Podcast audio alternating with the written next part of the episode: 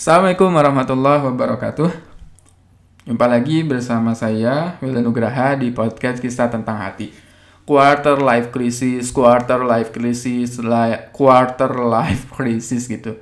Em, banyak banget yang ngebahas tentang itu di mana-mana bergaung, menggema gitu ya pem- pembahasan-pembahasan atau narasi-narasi tentang quarter life crisis. Eh, mungkin di sini saya akan menyajikan pandangan saya pribadi ya. Terserah teman-teman bisa mau nerima atau enggak nerimo atau menolak gitu ya. Itu hak teman-teman semua. Tapi saya ingin memberikan pandangan tentang eh, apa sih quarter life crisis itu? Atau apa sih gitu ya di balik eh, makna dari penggaungan si quarter life crisis ini. Kalau menurut saya pribadi kita semua memang akan selalu menghadapi yang namanya krisis ya dan itu menurutku bukan hanya di kuarter aja, di usia kuarter aja enggak ya. Setiap orang pasti mempunyai masa krisisnya, setiap fase usia itu pasti punya masa kritisnya ya. Setiap fase usia ya, anak kecil dia juga punya fase kritisnya. Dia beranjak menjadi eh, anak-anak yang mungkin ya anak-anak gitu dari balita jadi anak-anak, dia juga punya permasalahan tersendiri gitu ya. Dia punya masalahnya sendiri kemudian dia beranjak menjadi remaja, dia juga punya masalahnya sendiri, krisisnya sendiri, beranjak ke dewasa, masih punya krisisnya sendiri, beranjak ke tua, masih juga punya krisisnya sendiri, karena memang kehidupan ini adalah krisis sebenarnya. Kehidupan ini adalah ujian. Darul ibtila, tempatnya ya kita diuji gitu. Kenapa akhirnya alladzi khalaqal mauta wal hayata liyabluwakum ayyukum ahsanu amala dalam Quran surat Al-Mulk ya Allah mengatakan alladzi khalaqal mauta wal hayata liyabluwakum ayyukum ahsanu amala. Dia yang menciptakan kematian, lalu dia menciptakan kehidupan untuk me- menguji kalian semua. Liyabluwakum untuk menguji kalian semua ahsa, ahsanu amala. Siapa yang paling baik, siapa yang paling ahsan ibadahnya, amal-amalnya. Di sini kita akan bertanya, kenapa ya Allah mengungkapkan kata mati lebih dulu daripada hidup. Ini nggak normal. Bener gak sih nggak normal ya? Alladzi khalaqal mauta wal hayata. Kalau secara logiknya, secara manusianya kan harusnya alladzi khalaqal hayata wal mauta ya. Dia yang menciptakan kehidupan lalu kematian. Tapi kok ini balik kebalik gitu ya. Ini kebalik. Kenapa Allah ciptain? Allah menciptakan kematian dulu, baru menciptakan kehidupan nggak kehidupan dulu baru kematian. Nah loh pusing. Oke, sengaja saya ajak teman-teman berpusing-pusing. Ya nggak usah pusing sebenarnya. Alladzi khalaqal mauta wal hayata. Kenapa Allah sebutkan kalimat mati dulu baru baru kehidupannya? Itu untuk menjelaskan sejak awal bahwa kehidupan itu memang ujian. ya. Bahkan sampai kamu meninggal pun kamu akan mengalami ujian itu. Itu lu- luar biasanya Quran ya. Jadi kalau kamu berharap nggak diuji, kalau kamu berharap nggak punya krisis, berarti ada yang salah dengan kehidupan kamu. Karena tabiat dari kehidupan itu adalah memang hakikatnya ujian untuk melihat siapa yang paling baik ahsun ahsanu amalanya, siapa yang paling baik amalnya. Jadi sebenarnya semua ini teman-teman udah udah clear ya, udah clear. Apa pun kondisinya, pertama tadi, apa pun usianya, rentang usianya, kita semua ini akan mengalami sebuah yang namanya krisis. Jadi jangan batasin quarter life crisis doang di di usia-usia quarter aja. Enggak, semua orang pasti akan mengalami yang namanya ujian. Dan kita harus siap. Karena memang dunia itu kata hadis ya. Kata Rasulullah, dunia itu adalah darusijen. Dunia itu adalah uh, penjaranya bagi orang-orang yang mukmin. Ini ada penjara meskipun seenak-enaknya orang ya, orang mukmin, sekaya-kayanya orang mukmin, tetap aja dikatakan dunia. Ya, sebaliknya dunia ini adalah uh, kesenangan ya bagi orang-orang kafir dan penjaranya nanti di akhirat. Artinya apa, teman-teman? Artinya memang sudut pandang kita itu adalah sudut pandang yang harus dibentuk dengan cara pemikiran robbani, pemikiran uh, yang uh, apa namanya, tersinari oleh hidayah Al-Qur'an, tersinari dengan bimbingan Al-Qur'an. Let's say gitu. Kita sekarang bahas, kita sekarang bedah Uh, apa sih uh, konsepsi usia dari sudut pandang Al-Qur'an? Ya bagaimana sebenarnya uh, fase-fase gitu ya Al-Qur'an membicarakan tentang usia ini. Jadi sebenarnya aku kurang setuju juga sih ya dengan kata-kata quarter life crisis dan sebagainya dan sebagainya. Atau misalkan istilah remaja yang remaja itu galau, remaja itu misalkan apa ya nggak teguh pendirinya pendiriannya remaja itu mudah goyang, remaja itu uh, mudah dipengaruhi, remaja itu loh loh loh loh gitu ya. Ini nggak sesuai dengan sunnah, itu nggak sesuai dengan pandangan Al-Quran ya karena memang Al-Quran menyebutkan bahwa justru usia remaja itu usia yang paling kokoh. Permasalahannya kenapa remaja itu akhirnya terombang ambing itu ya karena si remaja itu belum mengerti konsep tentang dirinya sendiri sebenarnya. Oke, lanjut ya. Dalam Quran surat Ar-Rum, Quran surat Ar-Rum, ya, Allah Subhanahu wa taala berfirman, bukan Ar-Rum ayat 21 ya. Kita kalau ngedengar Ar-Rum ini Koneknya langsung ke Arum ayat 21 yang membahas tentang pernikahan biasanya. Ya, sakinah mawaddah warahmah. Lupakan dulu itu, kita nggak bahas itu. Jadi kita bahas eh, pembahasan ini di pembahasan yang lain ya. Uh, di Quran surat Arum ayat ke-54. A'udzu billahi minasyaitonir rajim. Bismillahirrahmanirrahim. Allahul ladzi khalaqakum min dha'fin tsumma ja'ala min ba'di dha'fin quwwah tsumma ja'ala min ba'di quwwatin dha'fan wa syaibah. Yakhluqu ma yasha' wa huwal alimul qadir. Allah Subhanahu wa taala berfirman, Allah lah ya yang menciptakan kalian khalaqakum min dhafin dari kelemahan. Ini ada kalimat khalaqa di sini. Khalaqa artinya apa? Allah ketika menciptakan makhluk itu tidak uh, pakai bantuan dari uh, siapa pun gitu. Mutlak Allah yang menciptakan sendirian gitu ya. Allahul ladzi khalaqakum min dhafin. Allah yang menciptakan kalian itu ya dari sesuatu yang lemah. Summa ja'ala. Nah, di sini ada kata ja'ala. Ja'ala itu menjadikan ya kalau dalam bahasa Arab. Dan ja'ala ini butuh dalam proses gitu. Dalam prosesnya butuh campur tangan yang lain ya. Butuh ya butuh ya, manusia yang lain gitu, butuh sarana pendukung. Summa ja'ala min ba'di dhafin kuwah. Kemudian Allah jadikan setelah dia lemah itu kuah, kekuatan ya, fase kuat. Summa ja'ala min ba'di quwwatin dha'fan wa syaibah.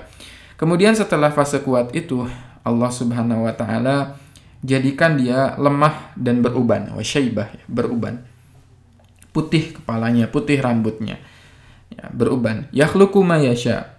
Dia menciptakan apa yang dia kehendaki. Di sini juga ada kata yasha. Yasha itu artinya dalam uh, perjalanannya mutlak itu keputusan Allah. Usia ini dari awal sampai akhir ya Allah yang atur.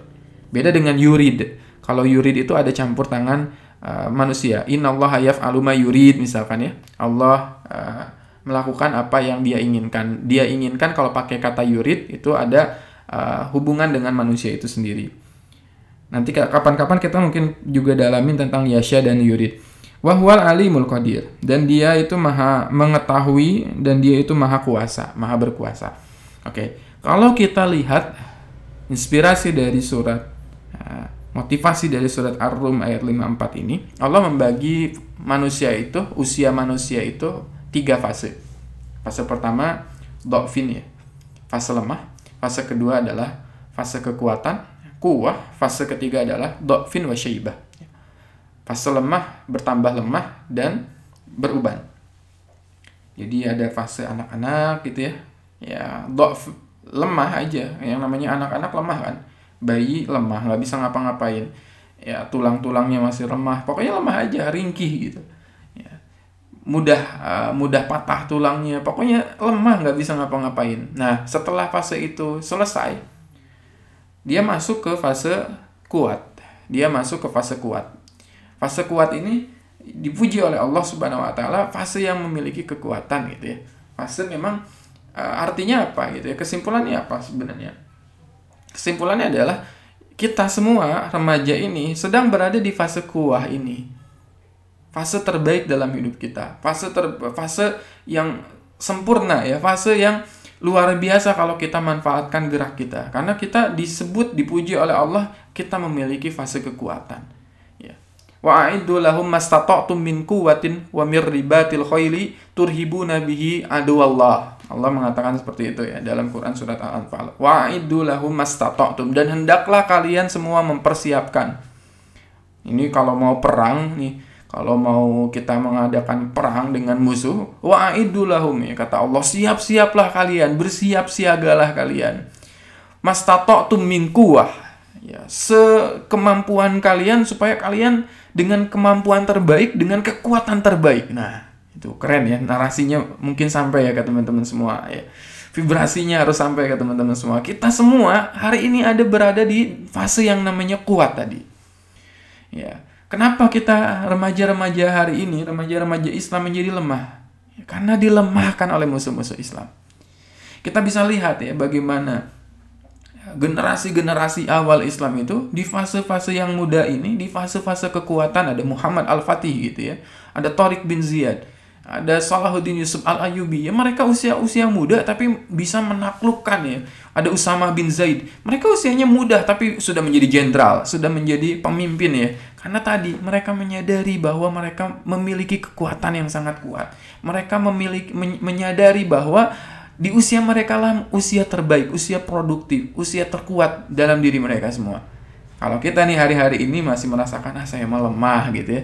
Aduh saya mah kayaknya nggak jelas gini gini gini. Aduh ya Allah boro-boro deh saya melakukan apa-apa. Oke. Lupakan dulu sejenak hal itu. Berarti kita udah terwarnai. Termasuk mungkin sekali lagi mungkin ya. Uh, alam ini apakah bagian dari perang Gozo Fikri ya dengan uh, apa namanya pemikiran-pemikiran quarter life crisis seolah-olah di usia itu uh, kita kehilangan yang namanya spirit dan sebagainya. Lupakan itu semua lah ya. Kita balik lagi ke Quran. Nggak ada yang namanya istilah quarter quarter itulah ya. Kita balik lagi nih ke Quran itu ya. Allah sebutin bahwa kita ini hari ini nih saya gerget nih. Kita ini hari ini ada di usia yang paling kuat ada di fase-fase terbaik dalam hidup kita. Makanya kita kalau menyadari fase yang kuat ini kita nggak akan leha-leha lagi. Kita nggak akan ngabisin waktu di hadapan gadget gitu ya dengan main games yang nggak jelas gitu nonton aduh gitu ya nonton drama Korea yang berseri-seri yang nggak ada habisnya tentang pelakor kayak tentang apa kayak nggak nggak ada sempet sempetnya kenapa? Karena kita tahu ini adalah fase terbaik dalam hidup kita. Yang seandainya kalau kita lewatkan fase ini kita akan masuk fase selanjutnya. Fase selanjutnya apa? Dofan wa syaiba. Dofan wa syaiba itu apa? Lemah dan semakin bertambah lemah juga tadi makin beruban alias ya udah tua. Kalau dia udah tua, ya kita berdoa kepada Allah supaya kita nggak tua sebelum waktunya ya. Uh, masih muda tapi lemah, masih muda tapi udah lemes lagi gitu ya, masih muda nggak semangat, nggak ada gairah hidupnya gitu ya. Nah, teman-teman kalau kita sadari semua ini, fase-fase ini, maka kita insya Allah akan selalu bersemangat dalam melakukan kebaikan, bersemangat dalam melakukan amal, dan selalu semangat dalam berkarya, berkontribusi untuk umat. Kenapa? Karena kita menyadari bahwa ini adalah fase terbaik dalam hidup kita, teman-teman. Inilah saatnya ya kita mempersembahkan yang terbaik. Oke lah, hmm, kalau kita nggak mau mempersembahkan yang terbaik hari ini, ya kapan lagi? Ah, tapi kan mungkin usia saya masih panjang. Itu mungkin bisa jadi kan di usia yang produktif ini Allah malah ambil kita, panggil kita.